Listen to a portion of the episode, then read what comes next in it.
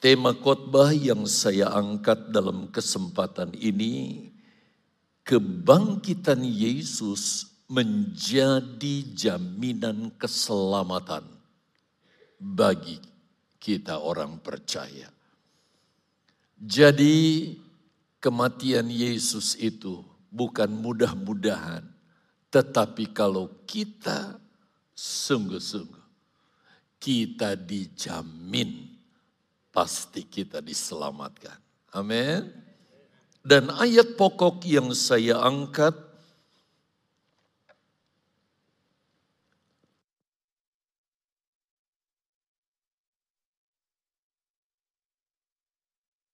Tab, saudara bisa buka dalam 1 Korintus pasal yang ke-15 ayat yang ke-20.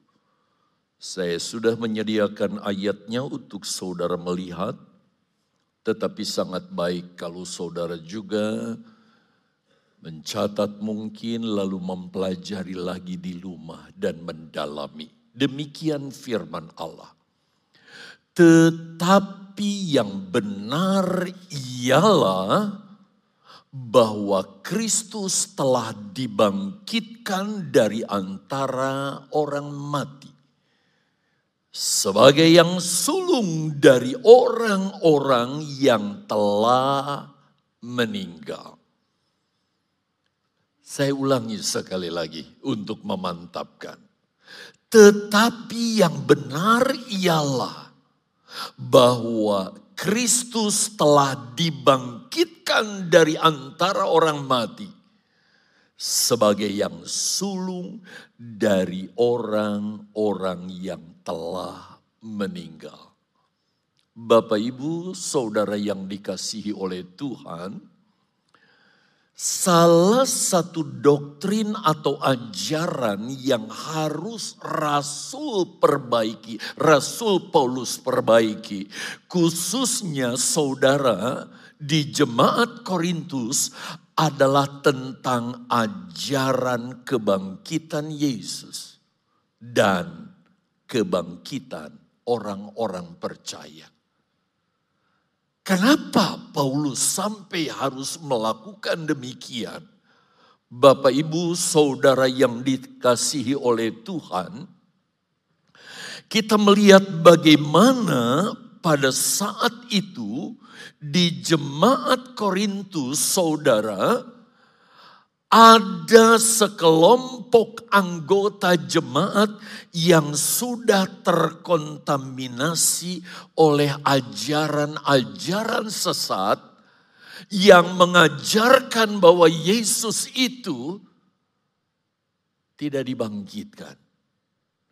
Bahkan mereka pun sekaligus mengajarkan yang sebenarnya kata mereka kebangkitan orang mati itu tidak ada. Jadi kalau orang itu mati, kalau orang itu baik, rohnya lah yang naik ke sorga. Tapi jasadnya tetap di dalam kuburan. Demikian pun kalau orang itu jahat, rohnya yang turun ke neraka dan dihukum di dalam neraka. Tapi jasadnya tetap ada di dalam kuburan. Sebab kata mereka tidak ada kebangkitan. Dan Bapak Ibu Saudara yang dikasihi oleh Tuhan. Rasul Paulus harus jelaskan kembali doktrin ini kepada jemaat di Korintus pada khususnya tentang kebangkitan orang-orang percaya sekaligus tentang kebangkitan Yesus. Karena pada abad yang pertama lebih tepat lagi pada tahun 50 5 sampai 56 Masehi. Ada beberapa anggota jemaat khususnya di Korintus yang telah saudara menerima informasi itu dan mempercayai di dalam diri mereka. Mereka meyakini ajaran yang sesat itu yang mengatakan bahwa Yesus tidak dibangkitkan. Demikian juga ajaran yang mengajarkan tidak ada kebangkitan orang mati. Bahkan ada yang berkata bahwa Yesus pun tidak disalib, tapi yang disalib itu diserupakan dan itu berkembang sampai sekarang di kalangan agama tertentu untuk menangkal iman Kristiani. Saya berharap jangan sampai ada di antara jemaat yang sampai terpengaruh oleh ajaran ini. Itulah sebabnya sehubungan dengan perayaan kebangkitan Yesus ini, saya pun tergerak untuk menyampaikan ini kepada saudara dalam kesempatan yang baik ini supaya kita mengerti kebenaran firman Allah yang sesungguhnya, supaya jangan sampai kita kehilangan keselamatan karena terpengaruh oleh ajaran sesat itu. Itu sebabnya saya ingin mengajak kembali untuk saudara lebih memperhatikan dengan teliti ayat pokok yang kita baca tadi. Ini dia. Coba saudara perhatikan. Kita mau perhatikan dengan saksama. Saya baca sekali lagi dan saudara cermati baik-baik. Tetapi yang benar ialah. Jadi yang lain tidak benar. Berita yang sudah mencemari jemaat Korintus itu berita yang gak benar Sebab itu Rasul Paulus memaparkan kebenaran yang sesungguh-sungguhnya tentang firman Allah. Apa itu? Bahwa Kristus telah dibangkitkan dari antara orang mati sebagai yang sulung, sebagai cikal bakal. Kalau ada yang sulung nanti ada kebangkitan berikutnya saudara. Kita lihat sebagai yang sulung dari orang-orang yang telah meninggal. Bapak, ibu, saudara yang dikasihi Tuhan, saya ingin mengangkat beberapa kalimat yang ada di ayat ini untuk kita lebih mendalami maksud tulisan Paulus dalam 1 Korintus pasal 15 ayat 20. Kalimat pertama yang saya angkat adalah tetapi yang benar. Saya sudah singgung tadi. Dari kalimat yang Paulus tegaskan di ayat ini, kita bisa tarik kesimpulan bahwa ajaran yang menolak kebangkitan Yesus dan menolak kebangkitan orang-orang yang percaya kepada Yesus itu adalah ajaran yang tidak benar. Itu sebabnya eh, Rasul Paulus katakan, yang benar ini yang kuajarkan.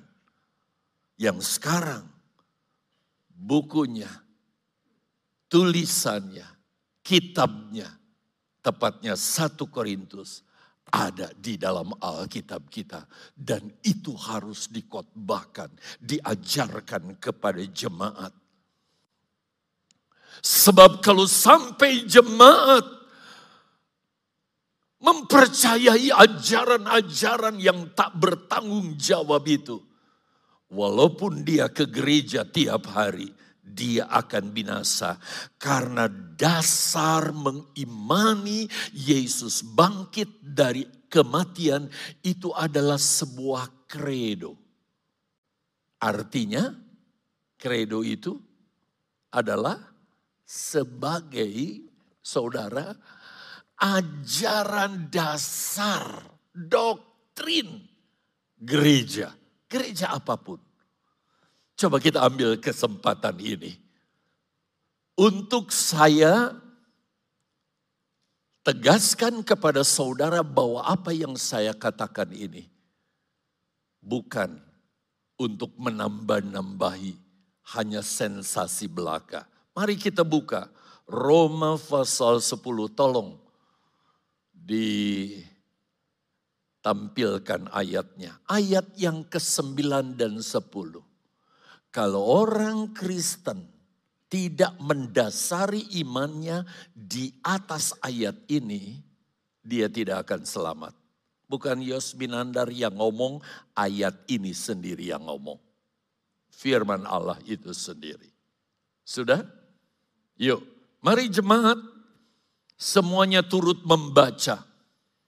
Sebab dengan saudara membaca, saudara juga mengimani. Dan saudara pegang ini. Karena ini dasar iman yang menyelamatkan. Yuk, semua ya, jangan ada yang diam. Dua, tiga. Sebab jika kamu mengaku dengan mulutmu bahwa Yesus adalah Tuhan dan percaya dalam hatimu bahwa Allah telah maka kamu tetap di ayat ini. Kalau saudara nggak mengaku, kebalikan ayat ini saudara tidak diselamatkan. Pegang ini baik-baik. Kita pindah ke ayat 10. Dua, tiga. Karena dengan hati orang percaya dan dibenarkan, dan dengan mulut orang mengaku dan jadi kebangkitan Yesus harus keluar dari mulut kita sebagai pengakuan. Ini yang namanya kredo doktrin dasar gereja. Sehingga saudara pergi ke gereja mata, mana pun, bahkan ke gereja di seberang, itu. Doktrin sama. Karena orang Kristen yang benar mendasarkan imannya bahwa Yesus itu bangkit bangkit dan itu harus ada dalam pengakuan kita. Bukan hanya dalam hati, Sebab tadi dikatakan dengan mulut mengaku dan dengan hati percaya kita diselamatkan. Sekarang coba kita lihat kalimat yang kedua. Di ayat yang secara khusus saya ingin bahas lebih mendalam lagi.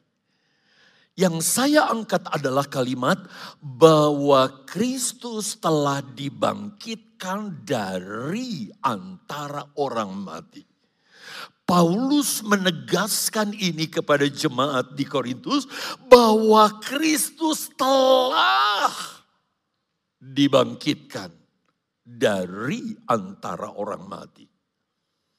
Saya akan menjelaskan kepada saudara arti kalimat tersebut di atas, tapi dari kalimat ini dapat kita simpulkan bahwa Yesus sungguh-sungguh telah bangkit.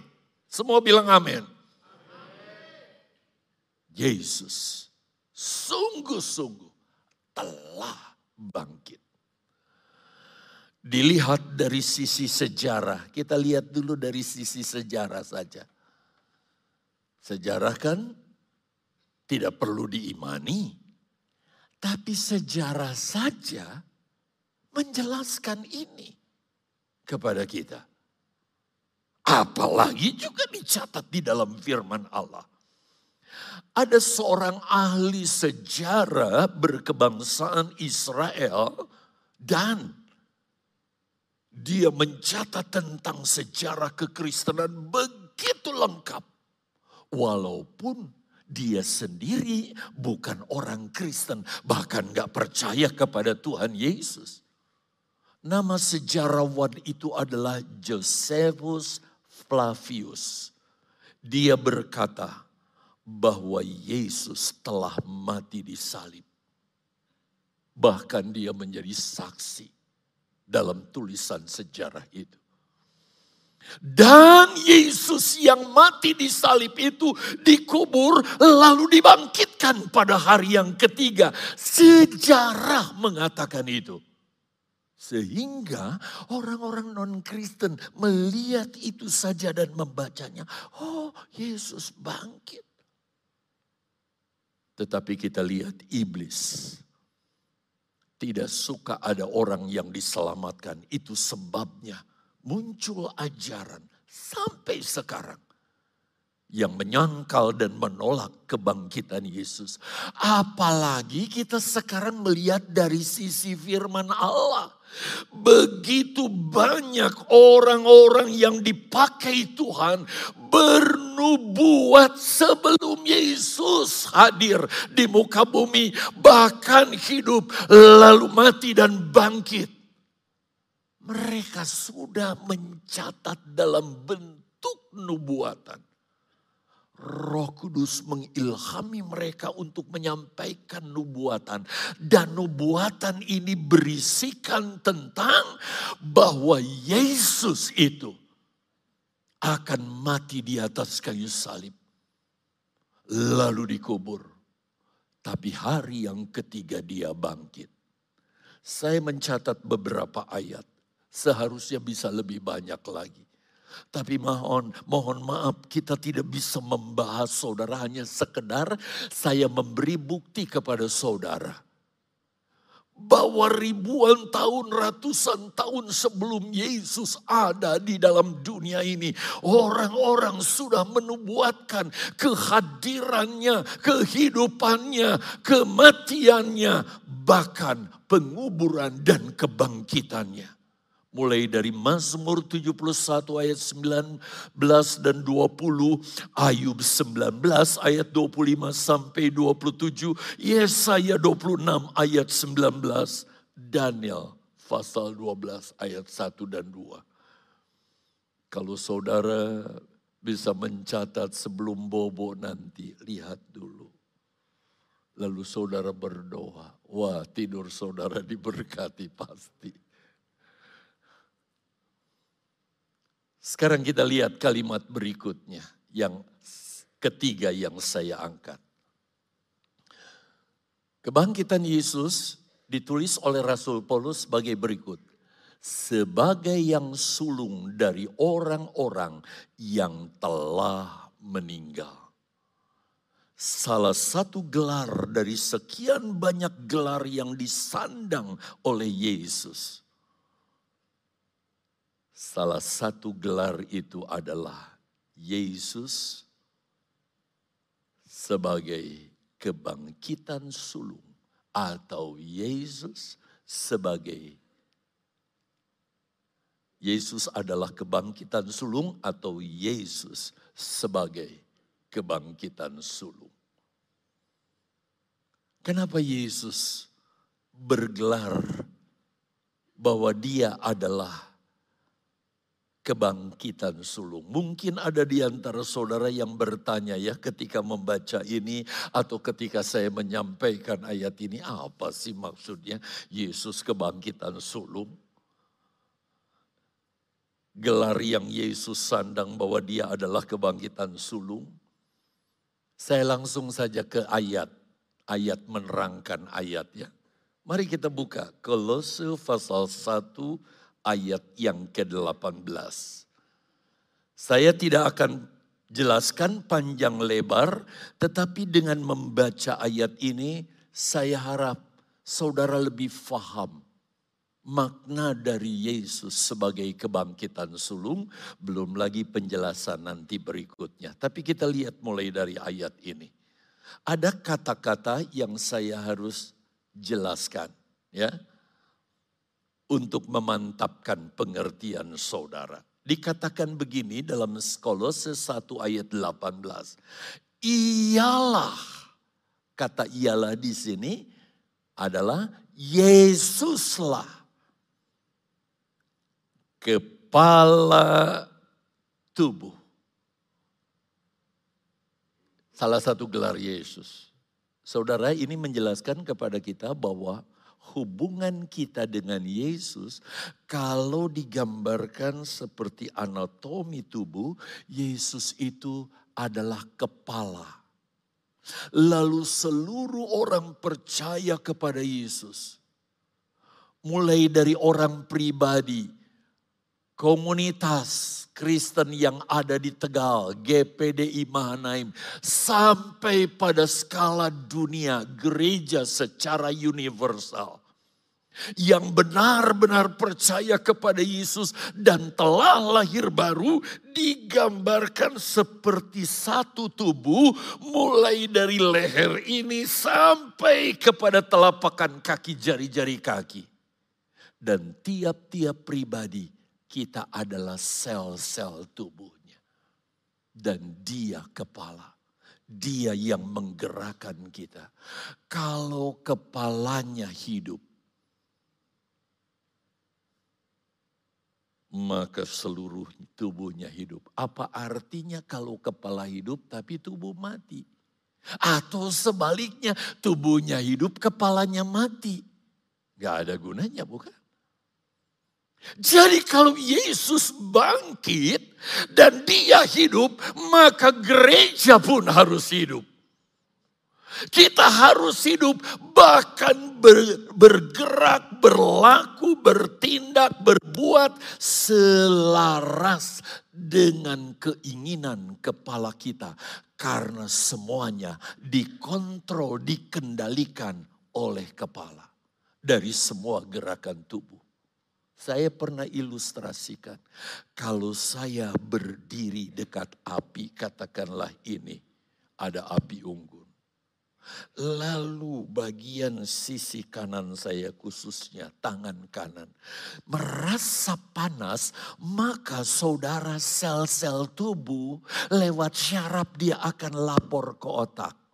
Panas. Kenapa aku harus di sini saja? Maka otak akan memerintah. Kaki Panas tuh tangan. Bergeraklah ke kiri sedikit. Semua kegiatan kita, gerak kita harusnya iras, selaras, sejalan dengan kepala kita yang adalah Yesus. Dan kita bersyukur kita punya petunjuk. Yang kalau kita ikuti ini, nggak mungkin kita akan salah. Gak mungkin kita akan kesasar. Kita akan berjalan sesuai dengan kehendaknya. Itu sebabnya jemaat betapa pentingnya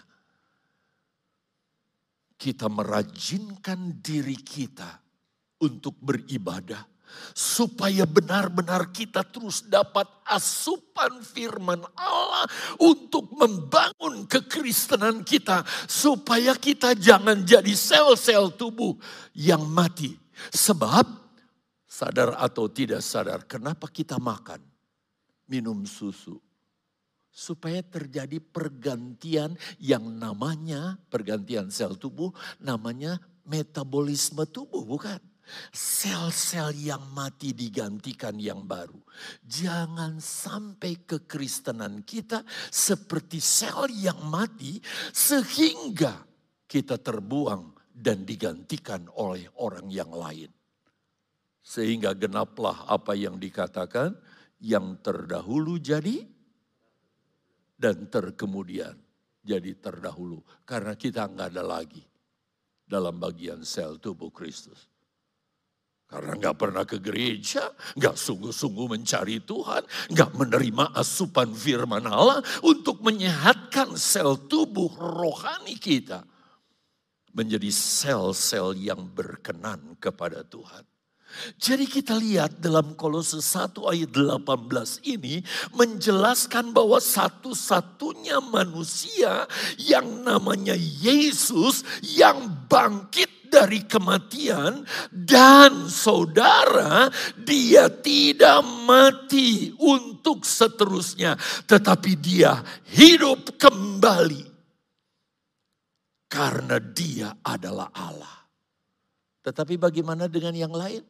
Banyak yang sudah mati hidup kembali, tetapi saudara, orang itu mati lagi. Beda dengan Yesus, karena apa? Yesus adalah Allah, sedangkan yang pernah alami kematian, tapi dengan mujizat Tuhan dibangkitkan, saudara, mereka satu waktu akan mati kembali. Itu sebabnya saya mendaftarkan kepada saudara berdasarkan catatan yang saya bisa himpun, sebenarnya banyak sekali saudara. Ada orang-orang baik dalam perjanjian lama maupun perjanjian baru pernah mati saudara. Bahkan ada juga yang sudah dibawa untuk dikubur. Tetapi kemudian bangkit. Apakah orang itu terus hidup terus seperti Yesus? Sama sekali tidak. Entah berapa lama dia diberi kesempatan hidup, tetapi kemudian dia mati lagi. Karena dia manusia. Sedangkan Yesus setelah dia bangkit, dia tidak pernah mati kembali, tetapi dia hidup untuk selama-lamanya. Dan kita sedang menanti kedatangannya. Coba perhatikan yang pertama, anak seorang janda di Sarfat. Dalam satu Raja-Raja 19 ayat 17 sampai 20. Ayat 17 sampai Raja-Raja 17 ayat 17 sampai 22. Kita melihat anak ini alami kematian. Janda Sarfat yang sudah memberi makan Elia, dia nangis sejadi-jadinya. Elia hutang budi. Kemudian dia bawa anak ini ke lantai atas. Dia doakan. Anak ini hidup kembali. Mama, mama, we. Tetapi apakah dia hidup seterusnya? Mati kembali. Karena manusia. Yang kedua, cepat saja. Anak seorang perempuan Sunem dalam dua Raja-Raja 4 ayat 18 sampai 37. Sama. Dia dibangkitkan dan mati kembali. Juga seorang warga Israel saudara. Dalam dua Raja-Raja pasal 13 ayat 31 sampai 22. Sama kisahnya. Dia dihidupkan. Caranya memang ajaib. Orang lagi ngubur orang ini saudara. Tiba-tiba pasukan musuh, musuh datang karena orang yang mau, mau kubur ini ketakutan, dia lempar mayat ini pas jatuh ke mayatnya Elia. Kena tulang-tulangnya. Kesentuh tulang Elia, mayat ini hidup kembali dan dia ikut lari lagi saudara. Hidup kembali. Tetapi kemudian dia mati lagi sebab manusia juga kita melihat di perjanjian baru seorang, seorang anak janda dinain saudara. Seorang anak dari janda dinain. Lukas pasal 7 ayat 11 sampai 17. Anak ini sembuh dari kematian. Tapi mati lagi. Juga saudara anak dari seorang yang bernama Yairus dalam Lukas 8 ayat 49 sampai 56. Mujizat terjadi. Orang ini bangkit dari kematian. Tapi sekali lagi yang namanya manusia. Sebelum kebangkitan masal yang nanti ditentukan. Kita akan bahas sebentar. Di ayat yang ke-6 seorang yang bernama Lazarus, bukan saudara dari Maria dan Marta. Dia mati saudara. Tapi hari keempat Yesus datang ke kubur. Lazarus bangkit. Tapi tidak berarti Lazarus hidup seterusnya. Dia mati kembali. Seorang wanita bernama Tabita. Dia penjahit baju. Wow perlu ditiru oleh wanita-wanita Mahanaim ini. Berkat yang dia terima dia tidak nikmati sendiri. Yang namanya Tabita atau Dorcas ini. Lihat ibu-ibu tua nggak punya baju, nggak ganti-ganti saudara. Hasil jahitannya dia bagi, dia kasihkan. Oh, orang itu senang punya baju baru karena seorang wanita GPDI Mahanaim namanya Tabita, saudara. Sangat berbuat kasih. Eh, Tabita satu waktu meninggal. Ketika mau dikubur saudara, disemayamkan. Ibu-ibu ketika mendengar ini dia bawa pakaian hasil karya Tabita atau Dorcas ini. Lalu dibawa di dekat mayat lalu mereka menangis. Dia katakan kepada hamba Tuhan, seorang rasul berkata, ini baju pemberian orang ini nanti kalau dia mati terus. Bagaimana saya nggak ada yang suplai pakaian lagi. Rasul saat itu ketika mendengar tangisan ibu-ibu, tergerak hatinya, didoakan Tabita yang sudah mati. Bangkit, bangkit kembali, hidup kembali. Tetapi sekali lagi saya katakan, mereka adalah manusia. Demikian juga etikus. Pulang kerja kecapean, tapi dengar Rasul Paulus bikin ibadah, dia langsung saudara ke tempat ibadah. Saking sudah capeknya, apalagi dia nggak kebagian tempat di gereja. Ada jendela, di bingkai jendela dia duduk. Karena saking ngantuknya saudara, dia jatuh dari lantai tiga. Mati. Sampai geger itu ibadah. Paulus turun, Paulus doakan. Etikus sembuh lagi. Tapi sekali lagi saya akan katakan mati. Karena manusia. Saudara, saya akan berlama-lama di sini. Tetapi kesimpulannya yang namanya manusia kalau mati saudara dan bangkit secara mujizat, dia akan mati lagi. Tetapi satu-satunya setelah mati dia hidup. Bahkan sampai sekarang dia lihat saudara sedang beribadah. Dari sorga dialah Yesus. Kenapa? Karena dia adalah Allah. Dia adalah Tuhan. Dengan bangkitnya Yesus dari kematian telah menjadi bukti dan kesaksian kepada semua orang bahwa Dia benar-benar adalah Allah. Bapak, ibu, saudara yang dikasihi oleh Tuhan, tetapi dalam kesempatan ini, saya ingin memberi catatan kepada saudara untuk diperhatikan. Jadi catatan ini untuk diperhatikan. Sebab ada gereja tertentu yang mengajarkan eskatologi. Dan dia mengambil referensi dari kisah ini. Bahwa ada beberapa macam kebangkitan, termasuk kebangkitan yang terjadi yang dicatat dalam Matius 27 ayat 50 sampai 54. Saya secara khusus ingin menjelaskan ini sekaligus supaya saudara juga hati-hati dengan doktrin tentang kebangkitan.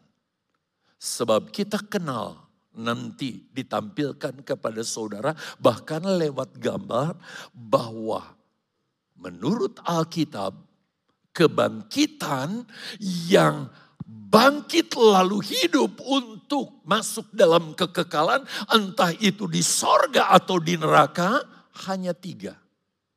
Yesus sebagai kebangkitan sulung, orang percaya sebagai kebangkitan pertama, yaitu orang benar, kebangkitan orang benar, dan yang berikutnya, kebangkitan kedua, kebangkitan orang berdosa. Di mana mereka dibangkitkan menerima tubuh yang baru, tetapi untuk disiksa di dalam neraka yang kekal. Selebihnya, tidak ada kebangkitan kekal.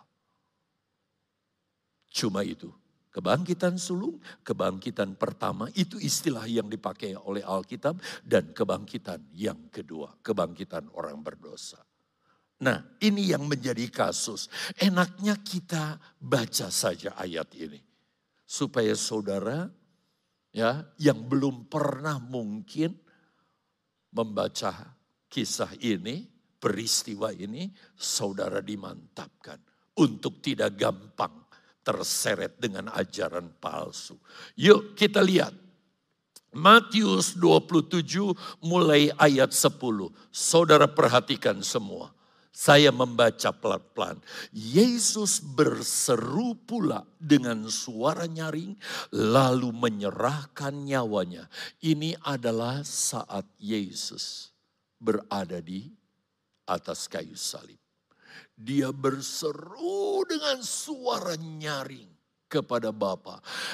Eli, Eli, lama sabatani. Lalu dia menyerahkan rohnya kepada Bapa. Menyerahkan nyawanya. Ayat 51.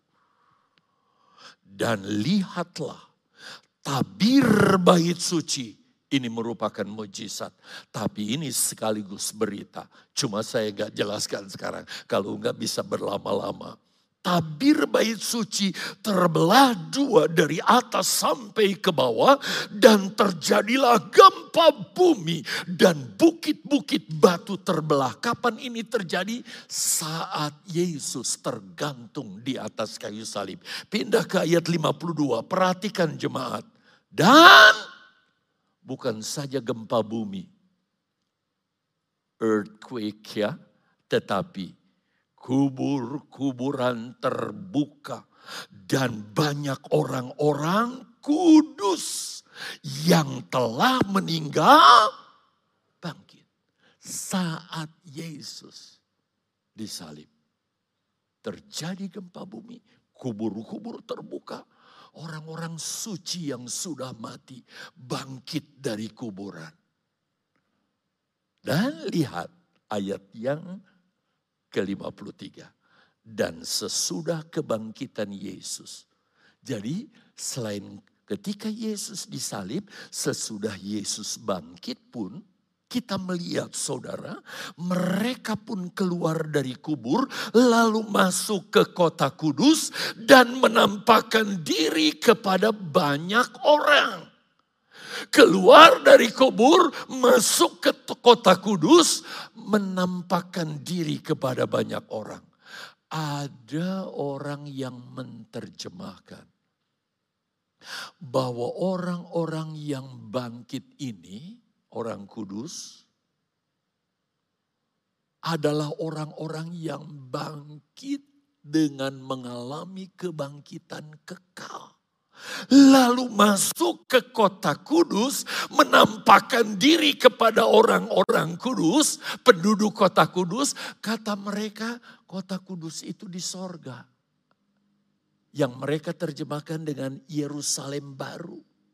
Jadi dengan lain kata mereka ini alami kebangkitan kekal lalu dibawa ke sorga. Hati-hati. Ada yang mengajarkan bahwa ayat ini menjelaskan tentang kebangkitan kekal. Ini salah besar. Saya cepat saja menjelaskan kesalahannya kalau mereka adalah benar-benar bangkit dari kematian, hidup kekal lalu masuk sorga, saudara, diangkat ke sorga. Jadi yang kebangkitan sulung itu siapa? Yesus atau mereka? Sebab sementara itu kalau Yesus lagi disalib, Yesus masih dikubur tiga hari, mereka sudah ada di sorga.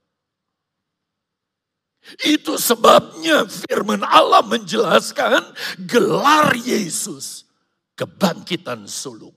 Yang pertama dari semuanya. Yang bangkit lalu hidup kekal. Nanti kita akan alami kebangkitan. Kata firman Allah menurut gilirannya. Setelah Yesus, kapan? Sebentar kita bahas. Jadi mereka adalah yang dimaksud saudara bangkit dari kubur pada zaman itu. Kubur tidak boleh ada di dalam kota, harus di luar kota. Pada umumnya kubur-kubur kita ini dalam kota. Di Kerkop, di Celeret, di mana-mana kan. Kalau orang Israel enggak, harus di luar kota. Itu sebabnya ketika mereka bangkit, mereka pulang ke rumah mereka, saudara. Menampakkan diri, menceritakan mujizat Tuhan yang terjadi atas dirinya. Bagaimana dia dibangkitkan dari kematian. Mereka satu waktu akan mengalami kematian kembali. Sebab yang namanya kebangkitan sulung adalah hanya satu. Siapa dia? Dialah Yesus. Jadi kita lihat penafsiran yang salah ini saudara. Sekarang kita akan bahas tentang Yesus sebagai kebangkitan sulung. Ini saya jadikan poin yang pertama. Salah satu gelar Yesus ialah kebangkitan sulung. Gelar ini Bapak Ibu Saudara yang dikasihi oleh Tuhan untuk menyatakan atau membuktikan bahwa Yesus adalah Allah. Selain itu, kebangkitan sulung juga adalah bukti bahwa Yesus adalah yang pertama dari semua yang bangkit dari kematian dan hidup untuk selama-lamanya. Buktinya 2000 tahun yang lalu dia disalib dan mati dia dikubur, lalu bangkit. 40 hari beberapa kali dia menampakkan kepada murid-muridnya. Dia tidak hidup terus selalu dinampak di hadapan murid-muridnya saudara. Tetapi beberapa kali dia menampakkan diri. Sampai pada akhirnya. Dia ajak murid-muridnya berkumpul di Bukit Zaitun bercakap-cakap memberi pesan salah satu di antaranya. Beritakanlah Injil kepada seluruh bangsa. Lalu dia pun mengangkat tangannya memberkati murid-murid. Yang kumpul saat itu kira-kira 500 pasang mata. Dan pelan-pelan Yesus terangkat. Dilihat oleh murid-murid. Ditutup awan sampai tidak terlihat lagi. Dia benar-benar bangkit dan hidup. Dan kita sedang menanti dia akan datang menjemput saudara dan saya lewat proses kebangkitan juga. Dan kita akan hidup bersama-sama dengan Yesus untuk selama-lamanya. Yang lain, ada orang-orang pernah alami kebangkitan. Mungkin di abad ini pun tidak sedikit banyak. Tetapi saudara mereka adalah mati kembali. Kenapa? Karena mereka 100% manusia. Kita lihat yang kedua. Gelar Yesus sebagai kebangkitan sulung ini menjadi jaminan Bapak Ibu buat kita yang percaya kepada Yesus bahwa kalau kita percaya kepada Yesus, kita akan dibangkitkan sama seperti yang Yesus alami. Kapan waktunya? Sebentar kita lihat saudara.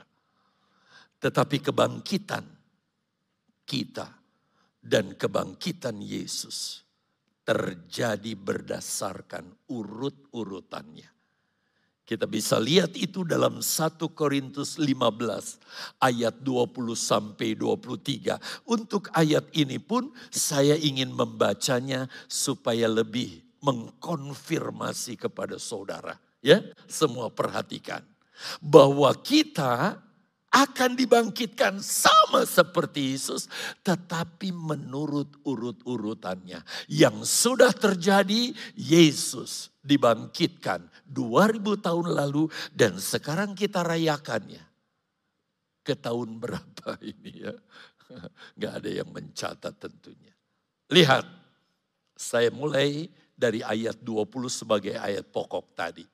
Tetapi yang benar ialah bahwa Kristus telah dibangkitkan dari antara orang mati sebagai yang sulung dari orang yang telah meninggal. Lihat ayat 21. Sebab sama seperti maut datang karena satu orang manusia. Apa artinya ini? Maut datang karena satu orang manusia. Karena nenek moyang kita bukan? Ada di sini yang gak terkait dengan Adam dan Hawa. Kalau saudara nggak terkait dengan Adam dan Hawa, saudara nggak ada di bumi, ada di planet lain mungkin. Semua manusia. Dan karena kita keturunan Adam dan Hawa, maka dosa asal yang dilakukan oleh Adam dan Hawa itu diwariskan kepada kita. Itu sebabnya saudara kita lihat ketika Adam dan Hawa, saya sudah jelaskan Jumat lalu, makan buah pengetahuan baik dan jahat, maka kita pun alami seperti Adam. Jadi tahu yang baik dan yang jahat. Asalnya Adam dan Hawa hanya tahu yang baik, yang kudus, yang benar dan mulia. Tetapi karena dia melanggar perintah Tuhan, dia jadi tahu yang jahat dan yang baik. Sekarang kita dilahirkan gak tahu apa-apa. Beranjak jadi satu tahun, dua tahun, tiga tahun. Mulai bisa omong yang salah, yang kotor. Bisa maki, bisa berpikiran jahat. Karena dosa satu orang di ayat ini diwariskan kepada kita. Tetapi saudara balik ya saya baca lagi. Sebab sama seperti maut datang karena satu orang manusia. Demikian juga kebangkitan orang mati datang karena satu orang manusia. Siapa? Yesus yang adalah Allah menjadi manusia. Dan kita yang percaya mengucapkan kredo tadi dalam Roma 10 ayat 9 dan 10. Kita juga diselamatkan karena Yesus. Di mana jaminan kebangkitan sulung yang Yesus alami, kita juga akan terima, tapi menurut urutannya itu. Sebabnya kita tunggu ayat berikutnya. Ayat 22. Karena sama seperti semua orang mati dalam persekutuan dengan Adam, demikian pula semua orang akan dihidupkan kembali dalam persekutuan dengan Kristus. Bapak Ibu, bagaimana? Seluruh kita, anak kita, keluarga kita, udah masuk dalam persekutuan dengan Kristus? Jangan biarkan anak kita, cucu kita, generasi kita. Kalau mereka tetap bersekutu dalam dosa dan tidak ampu, diampuni dosanya karena nggak percaya kepada Yesus. Wow, mereka akan alami kebangkitan. Tapi nanti urutannya yang ketiga. Ayat 23. Tetapi tiap-tiap orang menurut urutannya. Yang dibangkitkan itu menurut urutannya. Lihat kepada saya, Yesus dibangkitkan di awal abad yang pertama, tepatnya tahun 30. Ketika Yesus berusia 33 setengah tahun kira-kira. Kita nanti akan terjadi Kapan? Saya nggak bocorkan dulu ya, sebentar akan ditampilkan. Nanti orang berdosa yang akan disiksa dalam neraka, mereka juga ada urutannya. Detailnya mari kita lihat ke caption. Yuk kita perhatikan. Inilah gambar urut-urutan kebangkitan Yesus sebagai kebangkitan sulung. Dia yang sulung. Dia yang mengawali. Satu-satunya. Seng ada dua. Nggak ada duanya saudara. Yuk. Saudara sudah kenalkan dengan gambar ini. Tahan dulu ya. Jangan diklik dulu menurut. Oke, kalau saudara lihat, ingat kan garis rentang, garis horizontal berbicara tentang rentang waktu. Saya mulai dari saat di mana Yesus disalibkan. Nanti kita lihat ada garis vertikal berikutnya adalah saat nanti Yesus datang kedua kali. Lanjut, klik. Ah, saat Yesus datang. Nah, dari kedatangan Yesus kedua kali sampai nanti langit dan bumi yang kita pijak ini akan dilenyapkan dan kita akan ada bersama Yesus di sorga adalah memiliki rentang waktu seribu tahun. Yang disebut dengan kerajaan seribu tahun. Sekarang kita berkerajaan bersama Yesus secara rohani ya. Kita nggak lihat istananya, kita nggak lihat tahtanya. Sehingga Yesus berkata, jangan percaya kalau ada orang berkata, di sana kerajaan Allah, di sana kerajaan Allah di antara kamu. Seperti sekarang. Dua tiga orang berhimpun, kata Yesus, aku di tengah-tengah. Suasananya bagaimana? Damai sejahtera, sukacita menurut Roma berapa itu? Ayat yang ke-17, 14 ayat 17. Lalu waktu Yesus disalib, di sinilah dia mati. Dia berseru, Eloi, Eloi, lama sabatani. Menyerahkan nyawanya. Segera diturunkan. Dari disalib sampai di sini adalah tiga hari. Dan pada hari yang ketiga, dia bangkit dengan gelar apa? kebangkitan sulung. Lalu giliran kap kita kapan? Kita lihat. Yuk. Nah, kita perhatikan saudara. Saat Yesus datang kedua kali, stop dulu. Akan didahului dengan seruan malaikat kata Matius pasal 24. Lalu sangkakala yang ketujuh akan ditiup. Dengan suara yang begitu nyaring. Itulah sebabnya ada nyanyian. Kalau bunyi sangkakala, kalau bunyi sangkakala, kalau bunyi sangkakala, kalau bunyi sangkakala, apa? Ku ada, aku siap menyongsong Tuhan dibangkitkan. Nah di sinilah saat Yesus datang kedua kali. Dia tidak langsung berjejak di bumi menurut 1 Tesalonika 4 ayat 16 dan 17. Dia turun di angkasa lalu kitalah yang menyongsong dia. Klik satu kali. Di sinilah kebangkitan yang akan kita alami. Kebangkitan kekal di mana kita tidak akan mati lagi. Karena tubuh kita, tubuh kekal serupa dengan tubuh Yesus. Jadi urut-urutannya Yesus yang sulung, kita yang pertama. Karena dikatakan, saya lupa taruh ayatnya ya. Mestinya ada ayatnya di satu Korintus. Lalu bagaimana?